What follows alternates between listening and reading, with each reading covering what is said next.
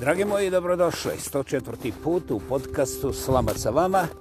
Samoproglašeni lingvistički aktivist. Monumentalno autentični. Ja pa ja. Ko bi drugi? Vladimir Kreće ispod predivnih stjenovitih planina.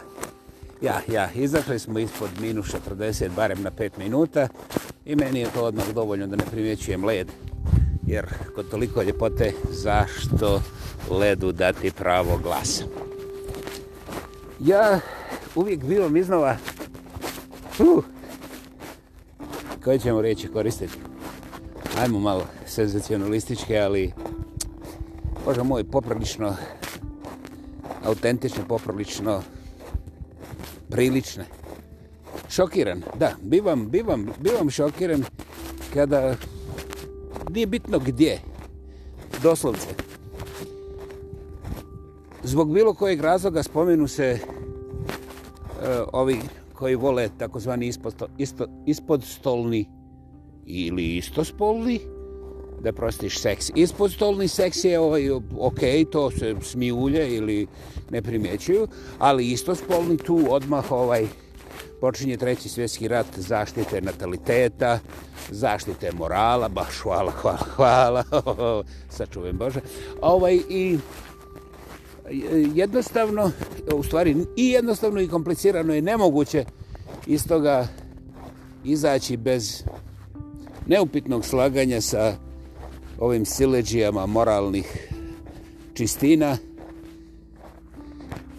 Ukoliko se ne napadnu ti ispo, istospolni, ne ispodstolni, i ukoliko se ne pokrene totalni svjetski rat za zaštitu ovih raznospolnih. Naravno, ponovit ću, to je kao u ime nekakve, mislim, racionalne ideje zaštite nataliteta, pa onda redom, ali ja ću se zadržati najprije na toj zaštiti nataliteta, o kojoj ovi pravednici, moralni čistunci i taj uvređeni Traktori lijevo desno. Bože moj, nikada nisu koristili svoj mozak ni u visini 1% da razmisle o čemu brbljaju. Druga stvar, nisu ni do jednog promila od tog istog postupka, postotka pokušali da se obrazuju ovaj o tim nekakvim stvarnim polugama nataliteta. Znam, politološki o, e, ekstremisti me ovdje ne zanimaju, zato što su oni upravo jedna od tih pokretačkih snaga stvaranja podobnih naučnih mišljenja koja onda proturaju na ovaj ili na onaj način, naravno sa ciljem betoniranja te takozvane dominantne javne misli i odnosa prema ovim koji su možda ponekad ispod stola, ali su istospolni ovaj, pa uzbuđeni međusobno. Eto. A, šta umeđu vremenu radi religija? Ljudi moji, zanimljivo je 2000 godina su ovi derene na dijelu i niko nije primijetio ovaj, šta oni doista rade i koji mi je zapravo dozvolio pravo da govore o natalitetu i istospolnima. Mislim, ja neću dirati enciklopediju vjekovnog srama i straha i najgrđeg zločina.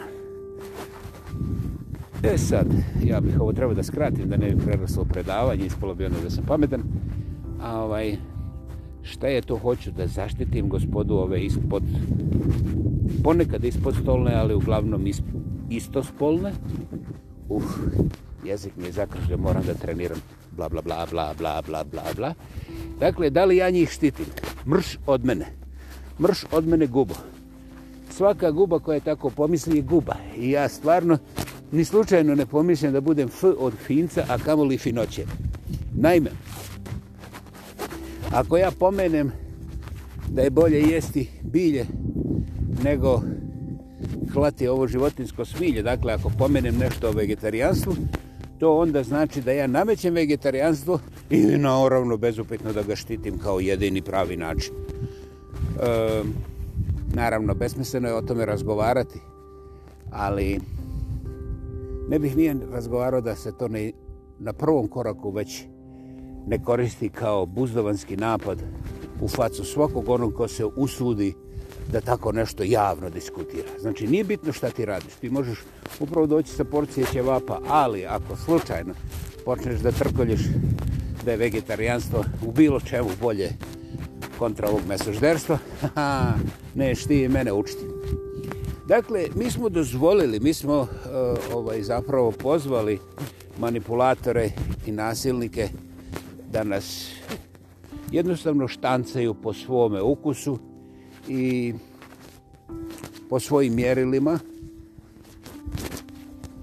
Možda oni baš nisu tako žestoki kao, ali eto, šta nam smeta da se mi složimo sa njim, ipak većina jede meso, ipak većina ne želi da izmineš pedere i mi možemo da nastavimo ispod stola, samo ako se složimo sa njima. Gospodo, opet stotinama i stotinama godina pušite isti ovaj opušak. Opušak i ne primjećujete ne samo da su vam zubi ovaj prljavo govnjivo žućkasti crnjukasti, potrošeni da su vam pluća gotovo neupotrebljiva i vi prestajete na tu bulazan ispred svoje djece koja Bože moj, upravo od vas najviše upijaju. Ne uče, nisam rekao uče, nego upijaju. Tako da su oni već ono prifabricirani da bi ovim javnim glasnim sileđijama, znači medija, mediji, medijima, medijskom prostoru, socijalnom prostoru, političarima, crkvenjacima i ostalim drobnjacima bili isporučeni kao sirovina za nove šablone. To u mojim očima nije ni tužno, jer samo destrukcija na tom nivou koja je poprilično temeljita, koja je onako gotovo perfektan genocid zdravog razuma. Blista, cvjeta, razvija se. I, Bože moj, mada su štete epske i protiraju se generacijama, epohama i preko cijele planete, ja više oko toga nikada neću plakati. U bilo kojem smislu nastojim da ne budem iznenađen i da mi je stomak u miru. Tako sam pomogao sebi, a vama, znate, ni gospod Bog više ne može pomoći, jer očigledno je da je ja, takozvano javno mjenje, betonirano na nivou šta kaže mama, šta kaže veliki brat iz kancelarije Hrvatska na vrhu brda u centru grada ili iz nekakve pozemne crkvene lože. Ili Deron koji ima najveću šaku da tresne u lokalni kafanski stol. Dakle, meni je drago što se vi s tim ne slažete, jedan ozbiljan broj vas, ali ako dozvolite svom mozgu da komuniciraš sa onim što oči vide i tijelo osjeća, onda možete da učinite najveću revoluciju koju čovjekov um i duh zapravo ne samo da može, nego i treba, a to je da se oslobodi betoniranih, fabriciranih predrasuda i da da šansu svome biću. Da li sam ja to rekao, skinite gaće i ponudite svoje lokalne, ove istospolne. Znate, fiksacija je jedan od mehanizama koji ste vi razvili na temelju svega onoga što vam ta javna misleća tijela, ovo je quote unquote, po debelim navodnicima misleća tijela, jel? ali uglavnom vladajući bogovi javnog mnjenja, što su vam već upisali u mozak na taj način da vi vjerujete da je to vaše i da je sasvim autentično i kao tako naravno prirodno. Dakle, vi odmah suprostavljate antitezu, pa da li onda prirodno što ovi rade? Opet, vrlo, vrlo, vrlo, vrlo brutalan fijasko. Znate, vjerovali ili ne, prirodno je i to bez ikakve diskusije. A prije nego što nastavimo bilo kakvu diskusiju oko toga, bilo bi dobro da proučite šta doista definira prirodno. Da li je to moralno-politički ili dnevno-politički stav vaše okoline, vaše partije ili vaše države ili vaše crkve, taj dio me ne zanima. Međutim, pokušajte, pokušajte, pokušajte proučiti definiciju prirodno prirodnog, znate. I umeđu vremenu ja ću vam reći da je arsenik apsolutno moćan otrov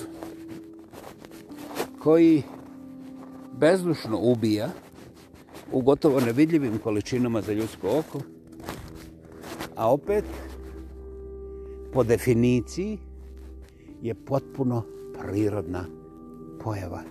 Dakle, arsenik nije proizveden u laboratoriji, postoje od postanka čovjeka, je baš tako. Ja nisam rekao da neke e, kompanije ne proizvode arsenik sintetičkim procesima. Taj dio mene zanima. Mene zanima onih desetak tisuća godina prije toga, kad je arsenik bio arsenik pomoći prirode.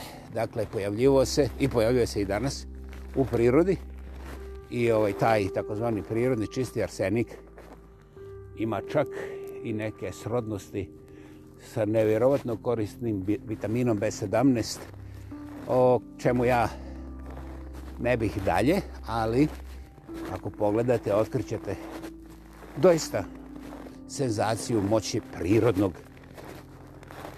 prirodnih dimenzija. Bum! I sad, ja trebam da pobirim, kao ja sam štitio te istospolne, a kritika ove ispod stolne. E, znate, kada god gledate nešto, postoji barem 360 puteva gledanja na istu stvar. Dakle, čisto rak tehnički, plus između toga. Dakle, možda bi bilo dobro da primijetite, ako vi sa svih kuteva jednu stvar vidite na isti način, možda se vi zapravo ne krećete. A ako se krećete, možda vam je mozak blokiran uvijek na jednom kutu. I ta blokada nije posljedica toga što vas je papa ili vaš oban predvodnik uvjerio u nešto. Nego ste vi otvorili svoje vrata i to prihvatili da bi mogli pripadati tim grupama. Dakle, vi ste sebe osakatili za svoje prirodno čulo viđenja i razumijevanja poradi samo jedne stvari. Paničan vas je strah da oni ne dođu kod vas na kafu. Znate, a te bulazni oko nataliteta većina vas zna da ne pripadaju pojavnosti istospolnih, jer odkad postoji čovečanstvo, isposto, ispod spolni su sa nama, a ovi ispostoli nisu, jer stol ipak nije otkriven prije 10.000 godina, znate. A ovaj, I sad dolazimo do nečega što je čista, čista birokracija koja nemerotvorno uništava zdrav razum na svim poljima, a mi opet gotovo svi kao ovce blejimo i slavimo to kao naš u ime pravde. U ime pravde je kreirano bezbroj zakona i ja neću ići u pojedinačnosti, ali zakoni su kada u tvojoj radnoj organizaciji kažu da ne možeš ići na ručak prije 11. To je zakon, moraš ga potpisati. Međutim, ako odbiješ, oni odbije da ti daju posao. Dakle, koliko tu ima pravednosti, ja ne vidim. Ja mogu razumjeti ekonomiju, to je neka druga priča, ali ako ti moraš potpisati da nećeš ručiti prije 11, stvari su već izgubljene debelo. Primjer, zakoni su kreirani u ime pravde. A postoji božanski, taj prirodni, malo čas, izvolite, izaberite riječ, koje volite, koje volite, koje vam je drago. A ovaj, postoji prirodni zakon, znači, božanska moć, nevjerovatnog refleksivnog, znači, daleko prije misalnog procesa u čovjekovom cijelom tijelu i biću, a to je da čak i vrlo glupi ljudi, u što ja baš i ne vjerujem. Mislim da su ljudi glupi, glupo, glupo je ljudsko ponašanje, ljudske odluke. Samo da pojasnim malo, nećem ulaziti u to sada. Dakle, ljudi koji su najograničeniji među nama u smislu tog nekakvog formalnog obrazovanja, da se zastavimo tu, oni gotovo trenutačno znaju šta čovjek ispred njih predstavlja za njih. Dakle, Oni ne mogu da objasne zašto se osjećaju nelagodno ili uznemireno ili vrlo zadovoljno sa nekim čovjekom. Najčešće to ne mogu objasniti riječima. Ali prije nego što krenu bilo kakve riječi i misalni procesi, kada se pojavi nova faca ispred njih, oni vrlo precizno znaju da li je pojava toga lica povezana sa dobrim ili lošim nečim. Znači oni nemaju precizne detalje, da li je to informacija, evo dobili ste na lutri ili, uh, oprostite, crkva vam je strica od tetke, ali oni znaju da taj čovjek ispred njih nije došao tu da pokrene treći svjetski rat ili da doktorira limuzinologiju, što god to značilo, nemojte pitati sada, nego jednostavno ima nevjerovatno zdravu orijentaciju iz kojeg pravca dolazi taj čovjek. Mada ga prije možda i nisu nikad uopće vidjeli. Dakle, šta sam ja ovdje htio reći? Svako od nas pozna taj osjećaj. I obično koliko god mi filozofirali i pokušavali interpretirati stvari, na kraju se sve svodi da je taj naš osjećaj, taj prvi refleksivni osjećaj, uglavnom, masivno uvijek u pravu.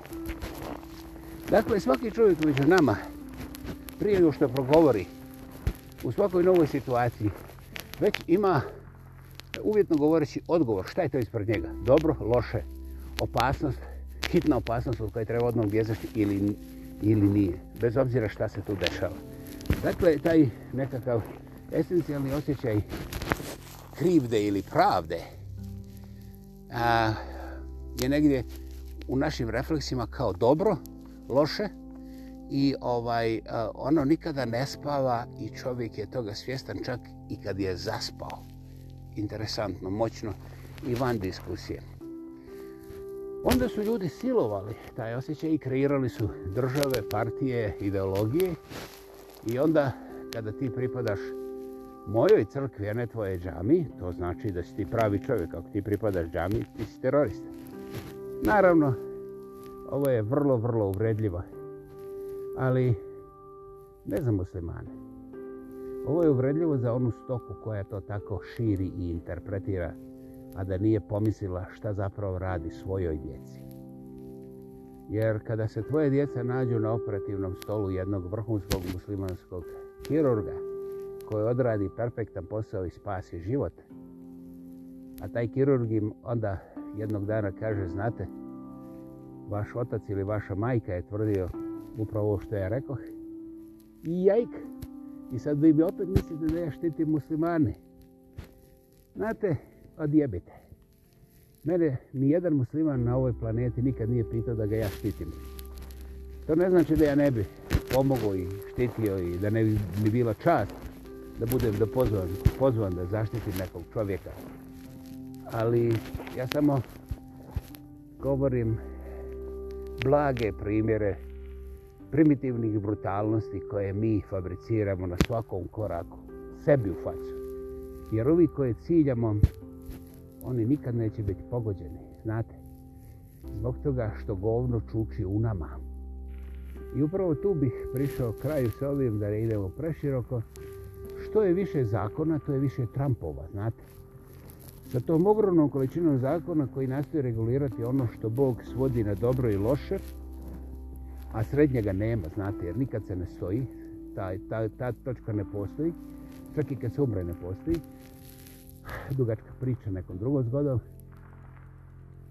Znači, mi smo dobro i loše, e, za početak, da bude malo seksi, pretvorili u 50 Shades of Grey, A sad pojma nemamo da li su to shade ili su to nove boje ili je to samo neki riješnik. Međutim, mi imamo lojera šta god ispadne pa ćemo ga platiti jer on je član naše partije i u našoj državi sa toliko novaca mi ćemo njima ove, ovaj, razbucati džep, da ne govorim ostale elemente koje će uraditi naša pravda. Dakle, ovo što vi danas u ovom takozvanom modernom svijetu tumačite kao pravdu koja je dokumentirala kako se prdi u lijevoj krivini pri brzini od 48 km 22 metra po satu, a na površini koja ima temperaturu 6,7 stupnjeva Fahrenheitovi, znate i bla bla bla, e, već smo se izgubili, aha. Dakle, da li taj zakon doista radi za vas? Znate, pitanje nije moje. Pitanje nije ni vaše. To je pitanje zdravog razuma kojeg ne sad primjećujete u stvarnosti oko nas nema zato što u nama čuči fabricirano, e, klišeizirano guvance koja je već prije svoje desete, najkasnije 15. godine bilo precizno zacrtano kojim kolosijekom će ići do kraja života. Svi oni koji se usude da budu ispostolni, ist, istospolni, ispostolni, oni će jebati mačku materu koliko slučajno ovaj progovore i zato su ti ljudi ovaj bez obzira šta vi rekli, ja znam za te parade, ali to je sramotno jer se svodi ih na jedan dan godišnje. Ovaj, inače, ta gospoda ispod stolni, ali dominantno is, isto spolni, su uglavnom prisiljeni da šute. I oni su odabrali da šute, jer eh, to što oni imaju je također, uvrijedite se, molim, prirodno, a vi trebate svoju prirodu da iskoristite, ne da uništavate ovu drugu prirodu. Ako bi krenuli, krenuli da uništavate arsenik kao što želite da uništite isto spolne, onda bi se desilo da vam prirodno količina arsenika poraste u krvi, a onda bi se smanjila dužina vašega, mm, ne mislim organa, nego svih organa, e, a, takozvanog života možda čak i naglo bi bila prekinuta, ali vrlo vjerojatno da bi neki to platili životom.